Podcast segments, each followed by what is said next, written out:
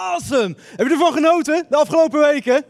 Was nice hè? We hebben te gekke topics gehad over positiviteit, over zelfvertrouwen terugkrijgen, over anderen echt positief beïnvloeden om je heen. Afgelopen week was nice hè? Anderen positief beïnvloeden. Heb je al een beetje geoefend de afgelopen week? Heb je al anderen positief beïnvloed? Niet dat je dacht van, ah, ik denk het nu, maar ik loop nu weg. Maar niet echt tegen de ander hebt gezegd. Maar jij gelooft dat als je die positieve gedachten over iemand anders hebt, dat je moet uitspreken. Wat God tegen diegene wil zeggen. Hoe nice zijn de Summer Celebration. I love it. Ieder jaar weer. En vandaag gaan we het hebben over passie. En nog een stapje verder. Wat nou als je je passie kwijt bent? Hoe krijg je je passie weer terug? Daar duiken we vandaag in. En misschien zeg jij ja. En dat is nou precies de message die ik nodig heb. Want ik ben mijn passie kwijt, mijn enthousiasme kwijt. Dan is deze een message voor jou. Love it. En ik zal meteen met een vraag starten. Wie kent van die seizoenen in hun leven waar, waar je God dichterbij voelt dan ooit? Waar je passie meer on fire is dan voor wat dan ook, maar speciaal voor geloof. Dat je passie voor God meer is dan ooit tevoren. Dat je hem dichterbij voelt dan ooit tevoren. Dat je makkelijker met hem praat dan ooit tevoren. Dat je echt merkt dat hij iedere dag erbij is. Wie kent zulke seizoenen? Van die momenten dat je hem dichterbij voelt. Misschien is je zeker de afgelopen periode met, met alle corona-dingen die er waren. En alle uitdagingen die voorbij kwamen. Dat je God dichterbij voelde dan ooit. Maar toen opeens werd het minder. Voelde je God minder dichtbij. Tune je minder makkelijk in. Als die passie verdween. Zit je in de celebration en denk je, ja. Ja. Waar is het gebleven? Je ergens onderweg ergens die intimiteit die je met God had, echt dat hij zo dichtbij was, dat je dat ergens onderweg bent kwijtgeraakt. Als je merkt dat je die enthousiasme bent kwijtgeraakt. Als je merkt dat je die enthousiasme over Jezus, over zijn kerk, over wat hij door jou heen wil doen, uh, de mensen die om jou heen staan. Als je merkt dat je die enthousiasme kwijt bent geraakt. Die passie. Deze message is voor jou. Alright? En geloof me, ik begrijp je. Ik ben het ook kwijt geweest. Ik ben opgegroeid in een gelovig gezin. En bij ons was Jezus, dat, dat, dat, dat at bij het ontbijt, middageten, avondeten, het was het toetje. Iedere dag was hij volop aanwezig. Iedere dag was hij 100% was hij er. Kreeg ik hem mee. Totdat ik op mijn zestiende alles bij elkaar kwam.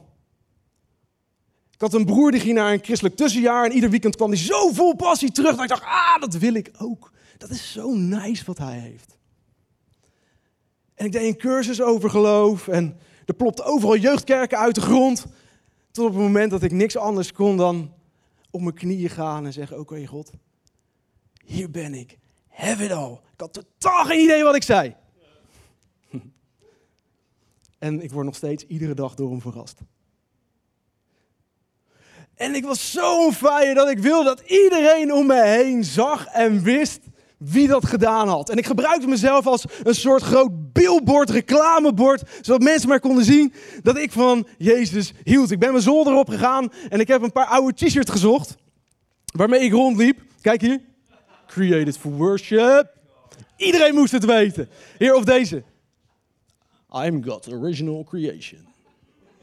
Ja, true story. Ja, uh, hier, ik had een Colbert jasje, dat was een hartstikke punk. En had ik dit achterop laten zetten, zodat iedereen achter me het ook kon lezen. Hoe nice is dat? En ik kon één shirt niet vinden, dus ik ben in de archieven van mijn worshipbandje gezakt, uh, gedoken. En ik heb hem gevonden. Ja, de Superman Jesus t-shirt. Hoe nice is dat? En ik weet nou eigenlijk niet of je daarvoor moet klappen, lachen of eigenlijk een klein beetje moet huilen. Maar ik zal het nog mooier maken. Die kwam samen met een zweetbandje. Hier, mensen in de livestream, hier is die. Ja, ja, een echte Jezus Superman zweetband. En ik liep ermee rond dat iedereen moest zien wie mijn leven op zijn kop had gezet. Wie wil hem? Ja, ja, we willen hem zien volgende week op podium. Ik wilde dat iedereen zag wie mijn leven op zijn kop had gezet. En het kwam in één grote stroomversnelling terecht vanaf dat moment. Want ik ging jeugdclubs leiden, ik ging jeugddiensten opzetten, ik ging in een worshipbandje spelen, ik mocht cursussen geven, ik ging op kampen leiden voor jeugd. En het ging van het een op het ander totdat ik trouwde. En mijn vrouw en ik zeiden, we willen samen een kerk vinden waar we Jezus echt kunnen dienen. En toen kwamen we bij ICF terecht en toen kwamen we niet in een stroomversnelling, toen kwamen we in een rollercoaster. Op het punt dat we op de plek kwamen dat we net een geweldig team vrienden naar Amsterdam gingen. Om daar kerk te bouwen. Waar we nu samen location pesten mogen zijn. Leven op zijn kop. Eén grote rollercoaster. Alles omdat Jezus mijn leven op zijn kop heeft gezet. En omdat ik niks liever wil dat andere mensen om me heen hem ook leren kennen. Ook in relatie komen met deze fantastische Jezus. Tot we anderhalf jaar geleden in de auto zaten, terug van de Community Sunday in Amsterdam. En we reden naar huis en we keken elkaar aan en we zeiden: Waar zijn we mee bezig? Wat zijn we aan het doen? Waarvoor zoveel werk dag in dag uit en waarom? En ik weet niet hoe het gebeurde, ik weet niet hoe ik op dat punt terecht ben gekomen, ergens along the way verloor ik mijn enthousiasme. Verloor ik mijn passie. En als jij zegt, ergens along the way ben ik ook mijn passie verloren. Ergens along the way ben ik ook mijn enthousiasme voor de Jezus kwijtgeraakt. Deze message is voor jou. Want hoe krijg je die passie dan weer terug?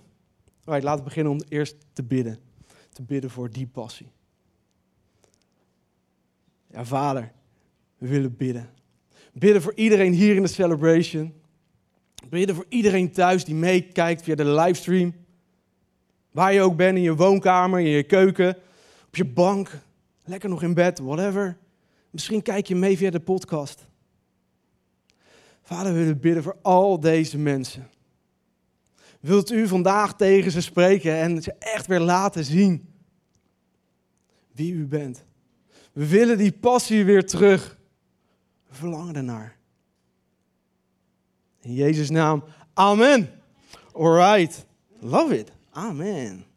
Hey, vandaag gaan we kijken naar de kwaliteit van enthousiasme. Zijn jullie ready? Oké, ik geef je nog een kans. Een beetje enthousiasme, guys. Zijn jullie eh, ready? Woe! Ik hoop dat je thuis ook ready bent. Laat het even in de chat weten dat jij er helemaal ready voor bent. En super stoked en enthousiast voor deze te gekke message. Want uh, misschien denk je, ja, uh, enthousiasme, enthousiasme, we zouden het toch over passie hebben. Hoe zit dat nou? Komt helemaal goed. Passie, enthousiasme, één pot nat. Komt zo allemaal, allemaal samen. Gaat helemaal goed komen. Ja? Oké, misschien is het je wel opgevallen dat er twee verschillende soorten types mensen op deze wereld rondwandelen. We hebben twee soorten mensen.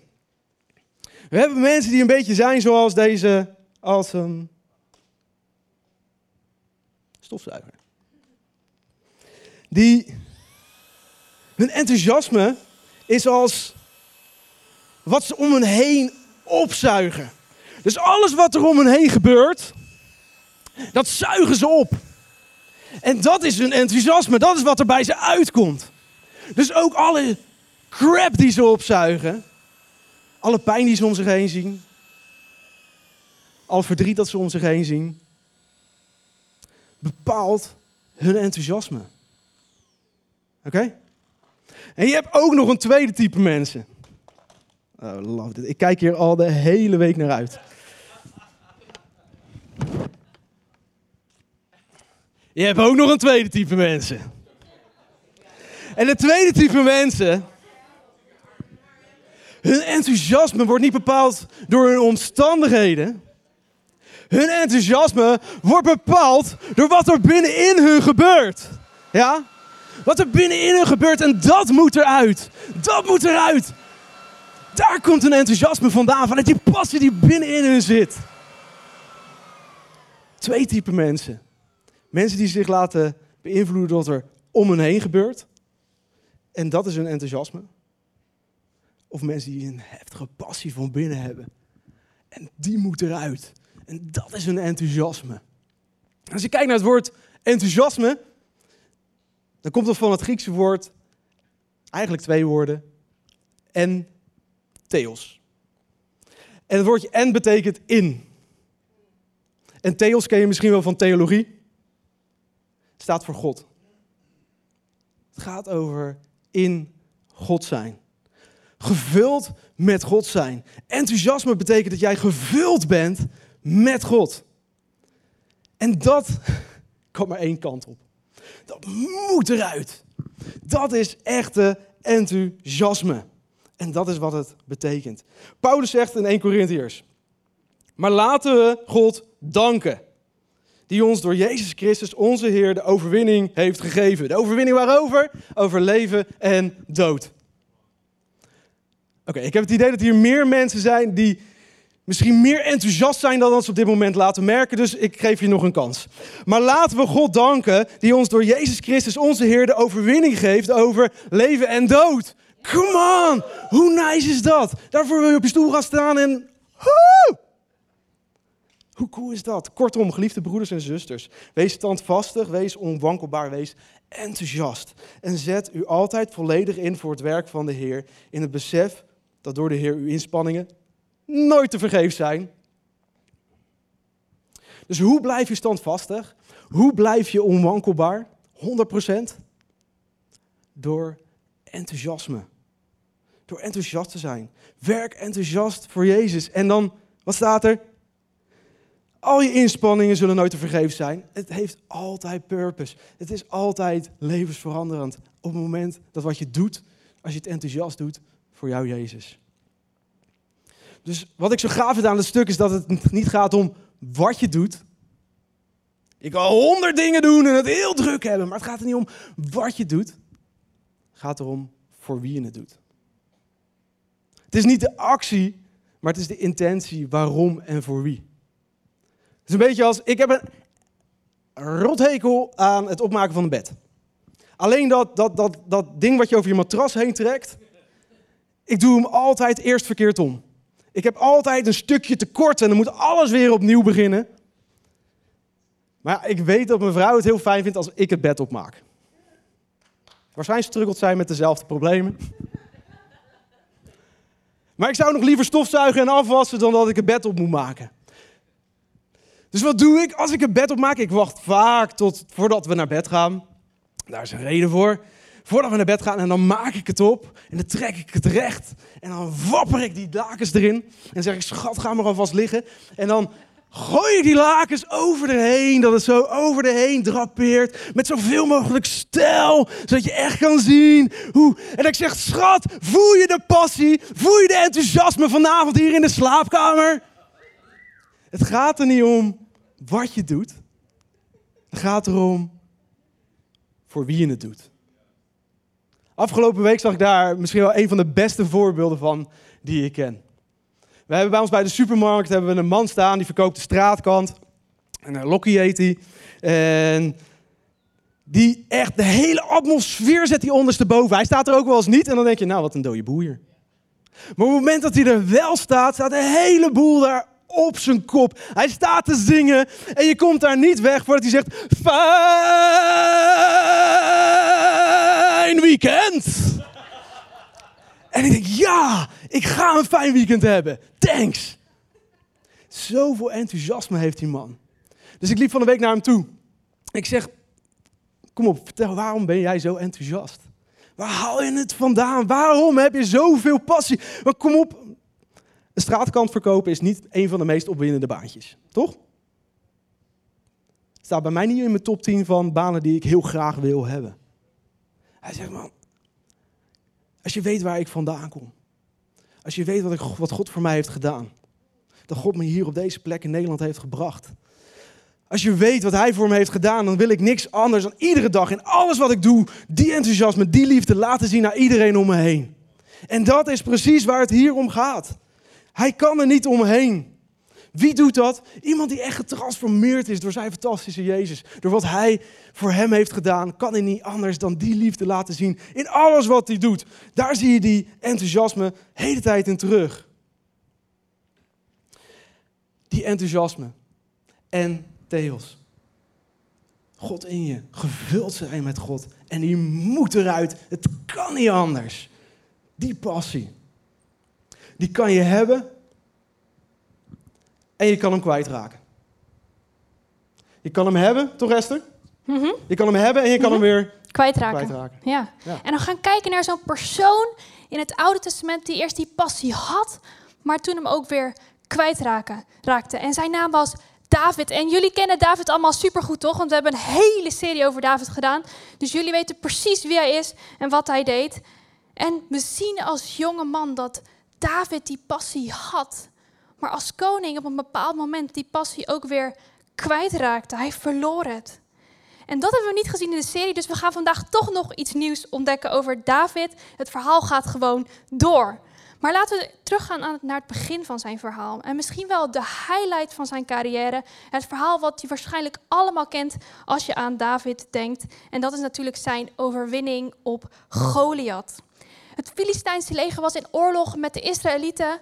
En in die tijd was het gewoon om, om zo'n oorlog, om zo'n strijd te bepalen, om dan twee vertegenwoordigers aan te stellen van allebei de legers. En die mensen met elkaar te laten vechten. En degene die won, had de strijd gewonnen.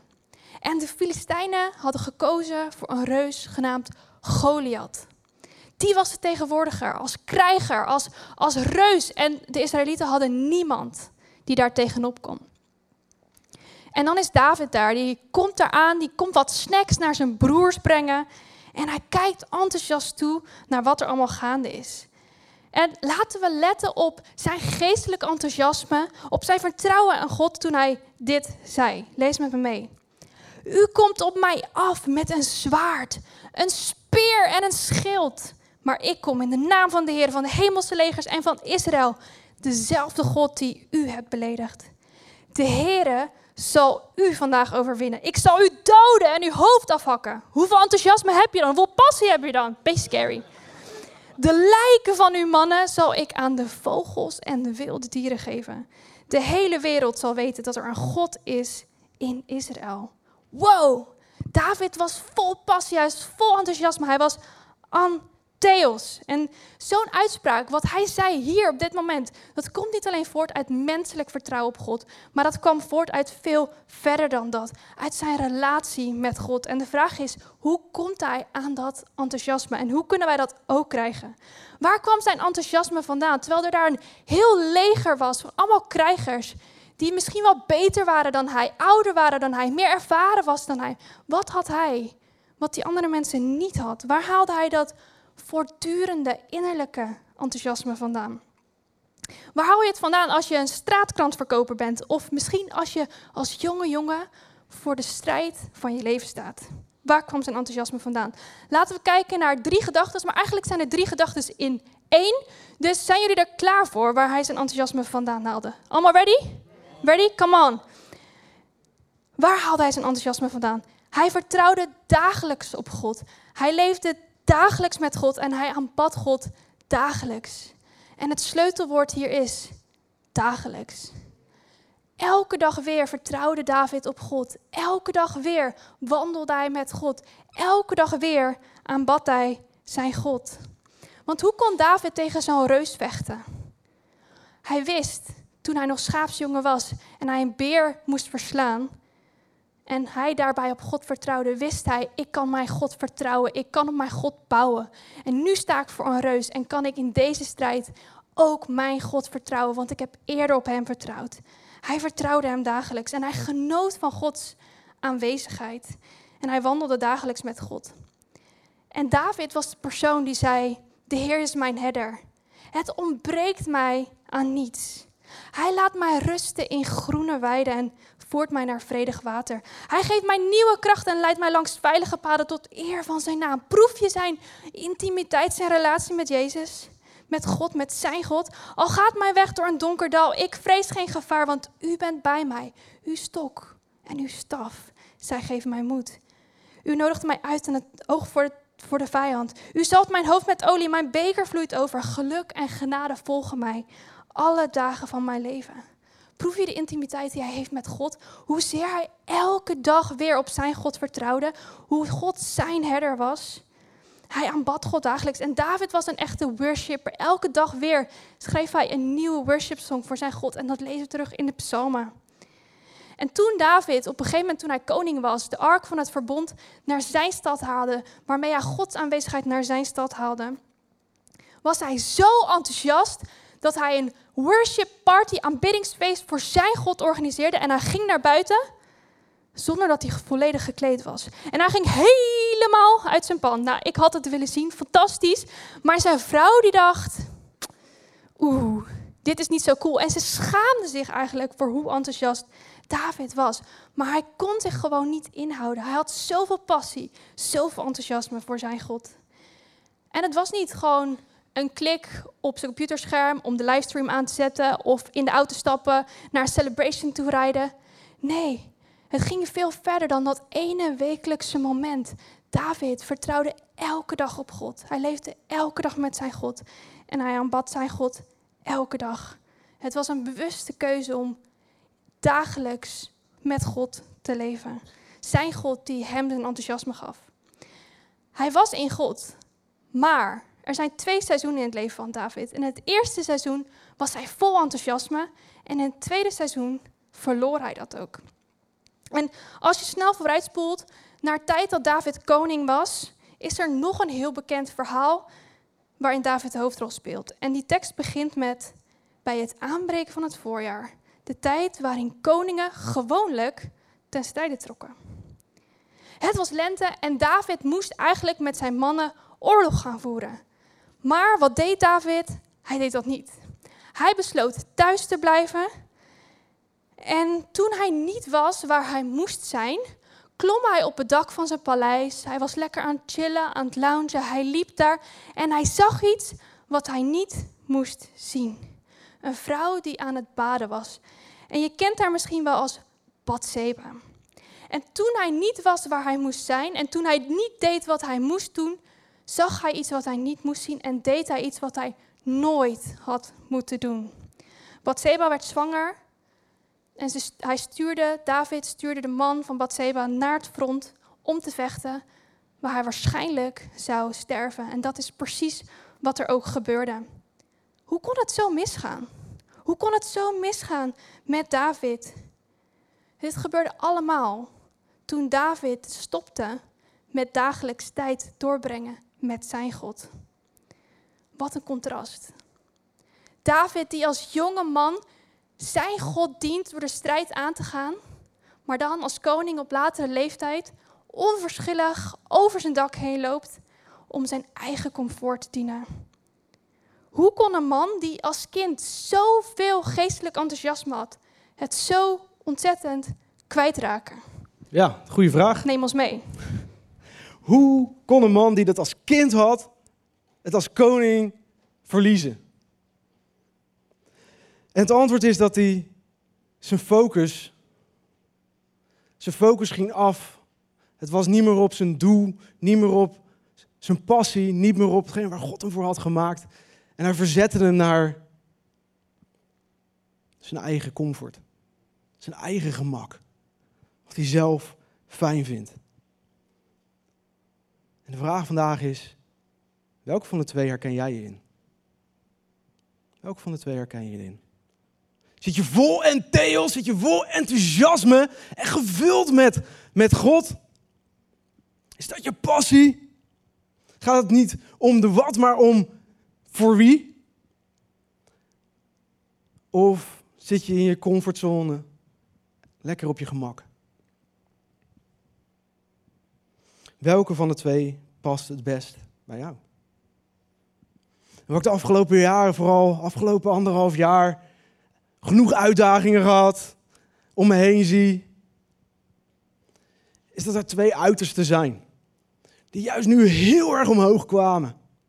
Aan de ene kant mensen die vol passie erin doken. En God was dichterbij dan ooit tevoren. En ze ervaarden hem dichterbij dan ooit tevoren. En alles wat ze deden was voor hem. En voor wie?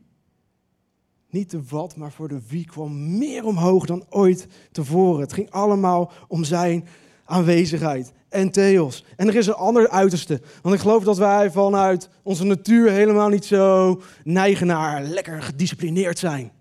Dat we van onze natuur heel erg neigen naar hele gezonde gewoontes. Dat we van onszelf neigen naar hele goede lange termijn beslissingen nemen. Maar dat we juist het omgekeerde kiezen. Dat we ons juist veel makkelijker getrokken voelen naar comfort, naar hele lekkere snelle oplossingen, naar op onszelf gericht zijn. En misschien als je nu afgelopen tijd al minder aanwezig was en minder aanwezig fysiek, echt community ervaart in kerk, echt het samen zijn. Ja, weet je, afgelopen week was slecht weer, maar straks wordt het weer mooi weer. En het is eigenlijk ook heel erg lekker om naar buiten te gaan. Voor je het weet, raak je die goede gewoontes makkelijker en makkelijker kwijt. En als je die kwijtraakt, ja, dan vul je het op met andere dingen. En je verliest langzaamaan die passie, die enthousiasme. Omdat je, net als David, lekker in die comfortzone gaat zitten. Misschien niet op je dak met de buurvrouw. Maar hey, er zijn heel veel andere dingen. Welke van de twee herken jij hierin? Toen we in Amsterdam de deuren moesten sluiten anderhalf jaar geleden, kozen we ervoor om elkaar vier keer per week, dat is meer dan de helft, vier keer per week nog online te meeten. Met game nights, met vrijdagmiddagborrels, met small groups, met voor de livestream elkaar nog zien. Waarom? Omdat je die discipline vast wil houden, omdat je elkaar vast wil houden, omdat je die vriendschappen vast wil houden, omdat je die community vast wil houden. Omdat je het zo hard nodig hebt om die passie vast te houden. Welke van de twee ben jij? Ben je entheos, ben je enthousiast gevuld? Of zit je meer lekker in je comfortzone? David had het en hij verloor het allemaal weer. En toen kwam Nathan, de profeet uit die tijd, die kwam bij hem en die confronteerde hem met zijn keuze. En hij zei, ja David, wat je nu doet, dat is niet zo heel erg best. En David hoorde het en hij besefte dat het niet klopte wat hij deed. En hij schreeuwde het letterlijk uit naar God. Je leest het in Psalm 51 en er staat: Geeft u mij een zuiver hart, mijn God, en een nieuwe geest. Die me echt innerlijk standvastig maakt. Ik wil zo graag opnieuw, opnieuw, ik wil zo graag opnieuw die blijdschap over uw redding ervaren. Laat het me weer, weer opnieuw ervaren, vraagt hij hier. Ik wil u volgen in mijn gehoorzaamheid aan u, zal mij kracht geven. Herstel me. Wat doe je als je iets verliest? Wat doe je als je iets kwijtraakt? Wat doe je dan? Je vult het aan. Je herstelt het. Je gaat terug. Je gaat terug naar wat je daarvoor deed. Je gaat terug naar de plek waar je was voordat je het verloor. Jezus zegt in openbaringen: U hebt de liefde van vroeger opgegeven. Je bent weggelopen. Je hebt het losgelaten. Je hebt de liefde van vroeger opgegeven. Je hebt het niet verloren. Zo vaak zeggen we, ik ben mijn passie verloren. Je bent het niet verloren. Je hebt het achtergelaten. Je hebt het opgegeven. Je hebt de liefde die je vroeger had opgegeven. En denk eraan hoe diep u bent gevallen. Wanneer komt hij? Keer daarvan terug en doe weer dezelfde dingen als vroeger. Neem, neem, neem waar je nu ook bent, hier in de zaal, thuis. Later als je meeluistert via de podcast, doe je ogen dicht. Als het kan op een veilige manier, doe je ogen dicht. Doe je ogen dicht en herinner je weer dat allereerste moment. Dat allereerste moment dat je Jezus echt ervaarde. Dichterbij dan ooit. Dat je niet anders kon dan zeggen, ja Jezus, ik kan niet om u heen. En vul me met uw passie en enthousiasme. Herinner je dat moment? Moment? Herinner je die intimiteit die je ooit had? Want Jezus zegt heel eenvoudig: ga terug. Ga terug naar dat moment. Ga terug, verander van richting. Verander van richting en doe zoals je het deed daarvoor. Zoek hem dagelijks op. Vertrouw hem dagelijks op zijn goedheid. Aanbid hem dagelijks met alles wat je hebt. En niet uit plicht, maar omdat je het wil.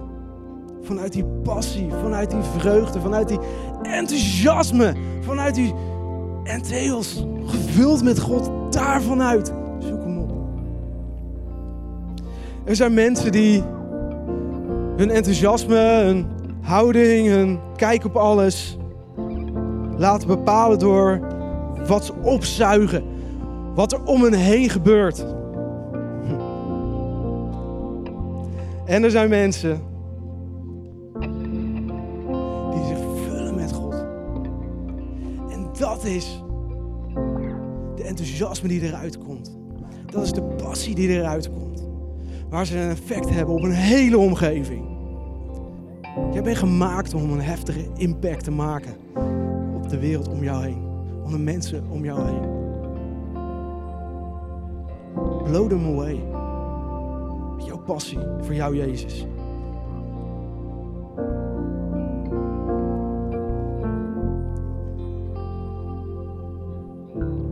Er zijn twee soorten mensen.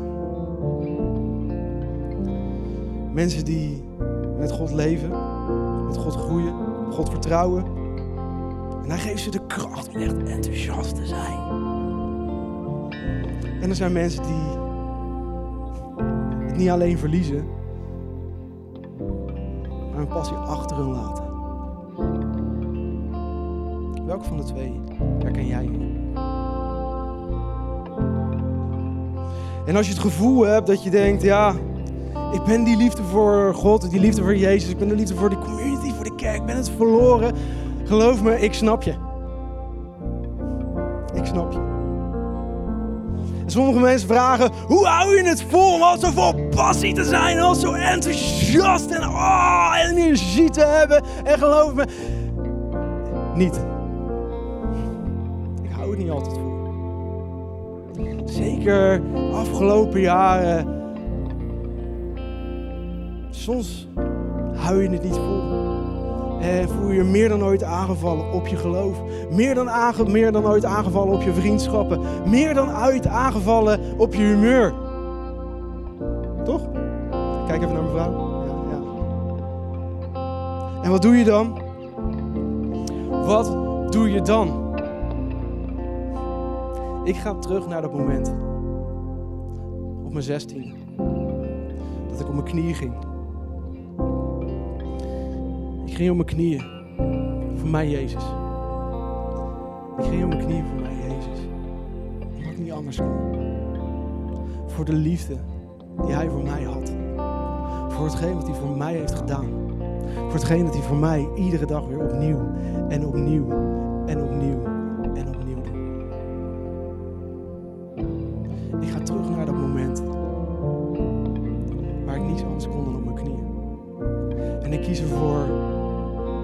met hem samen te gaan. Dagelijks op zijn goedheid te vertrouwen. Dagelijks hem te aanbidden. Ik ga terug naar die plek. En ik probeer met heel mijn hart alles wat ik doe, ook als ik er niet zoveel zin in heb, het enthousiast te doen. Omdat als ik het enthousiast doe vanuit God, dan is niks zinloos. Dan kan het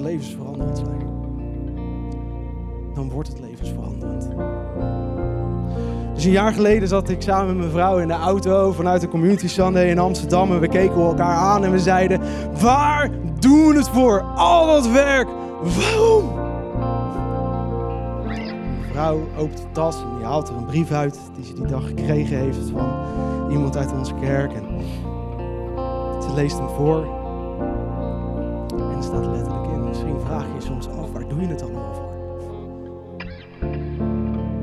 Misschien vraag je wel af, draagt het wel echt vrucht wat we aan het doen zijn? En ik kan tegen je zeggen, zei ze in ik kan je tegen je zeggen, er wordt vrucht gedragen. Er wordt vrucht gedragen. Want ik ben veranderd. Ik was ver weg van God. En ik durf eindelijk weer stappen te nemen naar mijn God. En ik ben er nog niet, maar ik heb me thuis gevonden.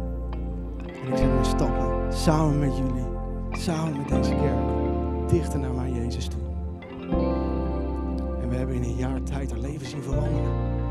En haar Bolt echt stappen zien nemen. Ik doe het niet voor iemand. Ik doe het al helemaal niet voor zomaar iemand. Maar ik doe het voor mijn God. Alles wat ik doe.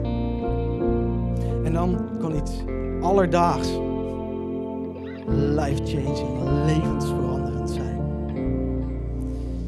Dus of je nou dient achter de schermen en niemand zal het ooit zien, of al sta je vooraan of op het podium en je bent hard aan het aanbidden. Het gaat er niet om wat je doet, het gaat erom voor wie je het doet. En misschien nog wel belangrijker, vanuit wie je het doet. Doe je het vanuit God, die jou vult met zijn passie, met zijn liefde. Ik geloof dat er twee soorten mensen zijn in de wereld. Mensen die zich laten beïnvloeden van alles wat er om hen heen gebeurt. Of degene die hetgeen wat binnenin hun gebeurt naar buiten toe brengen. En dat is hun enthousiasme, dat is hun passie. En daarmee maakt God door hen heen een impact op de wereld om hen heen. En ik verlang naar die passie. Ik verlang naar die liefde. Ik verlang naar die enthousiasme in mij. Dat die er iedere dag weer uitkomt. Om een impact te maken iedereen om mij heen. Dus ik ga dagelijks opnieuw naar dat moment waar Jezus me raakte. En ik aanbid hem dagelijks. Ik zoek hem dagelijks op. Ik vertrouw hem dagelijks. Wil je die passie terug? Daarvoor? Kom staan. Dat is waarvoor we bidden. Vader, dank u wel dat we hier zijn. Dank u wel dat we hier op deze plek kerk mogen zijn. Dat we met elkaar kerk mogen zijn. Dat we elkaar iedere week weer op kunnen zoeken. Dat we elkaar kunnen zien via de livestream. Dat je dit terug kan luisteren op de podcast. Dit is voor jou.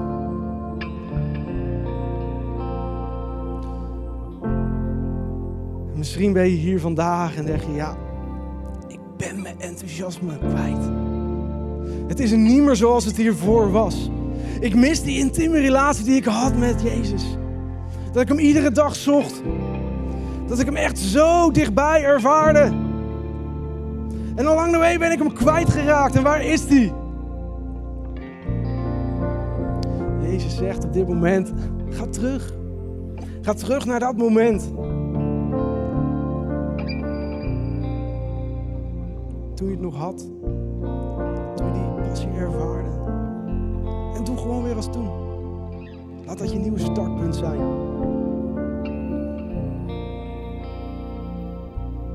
Jezus, we willen echt bidden dit moment voor iedereen die die keuze wil maken. Die wil kiezen voor entheos, gevuld met God, gevuld met u, met uw liefde en wat u voor ons iedere dag weer klaar heeft liggen. Geef het in Jezus' naam.